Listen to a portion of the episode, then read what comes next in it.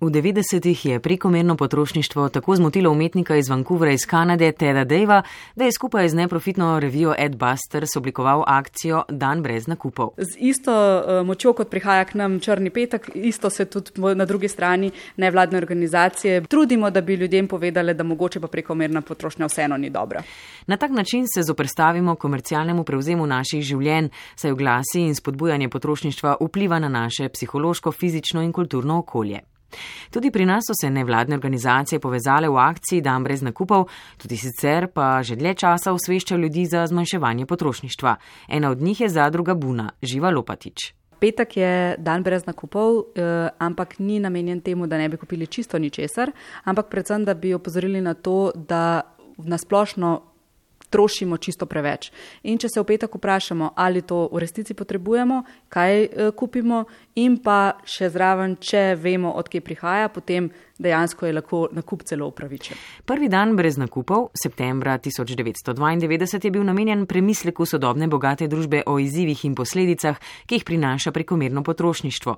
Od leta 1997 pa dan brez nakupov poteka ravno na enega najbolj udarnih nakupovalnih dni v Združenih državah Amerike, na petek po dnevu zahvalnosti. Kmalo potem pa so dan brez nakupov povzele druge države po svetu in ga organizirale organizirale bodi si v petek ali soboto. Predvsem opažamo to, da hm, ameriške navade prihajajo k nam in to, te ameriške navade so povezane predvsem s prekomerno potrošnjo. In absolutno dan, ko so ogromni popusti posod, ko se lahko po, uh, kupuje sredi po noči in v vseh nemogočih urah, uh, je definitivno primeren dan, da upozorimo na to, da obstaja prekomerna potrošnja in da se ji, če se le da, izognimo.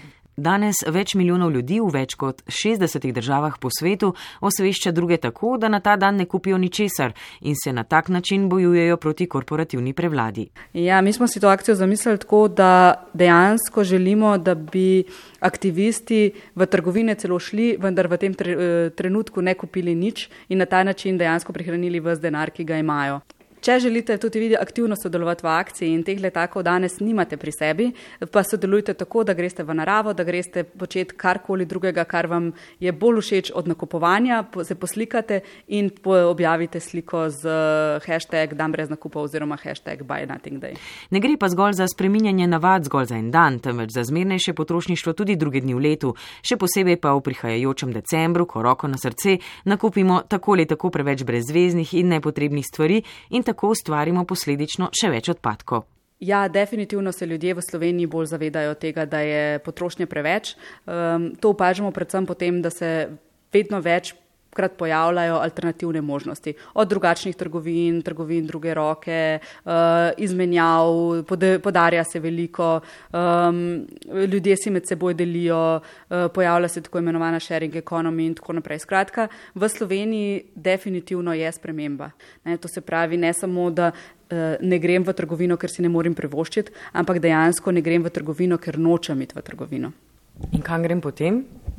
Potem pa razmislim, kaj potrebujem in poskušam to dobiti ali od nekoga, ki mi to podari, da ali kaj tasga, ali najdem nekje med svojimi stvarmi, ki jih že imam, ker imamo vsi preveč stvari, ali pa potem razmislim, eh, kdo mi lahko to naredi v lokalnem okolju in če ne dobim tega v lokalnem okolju, šele potem iščem v, izven Slovenije oziroma drugih, eh, prek drugih alternativ, kot je naprimer pravična trgovina ali pa kaj podobnega. Premišljeno potrošništvo osvobaja, nam daje več časa in omogoča bolj svobodno življenje. Jaz sem presenečena, da v, recimo ta zadnja akcija, ki je, um, da nima negativnih uh, odzivov. Ne glede na to, da so opa, opaske, opombe, pa ravno dan brez nakupov, ravno na dan, ko so največji popusti in tako naprej, ampak se mi zdi, da to je z namenom tako. Ne? Da je treba povedati, da enostavno popusti nekaj pomenijo in pomenijo ponavadi, jo, te ne, jaz pa ne smem reči.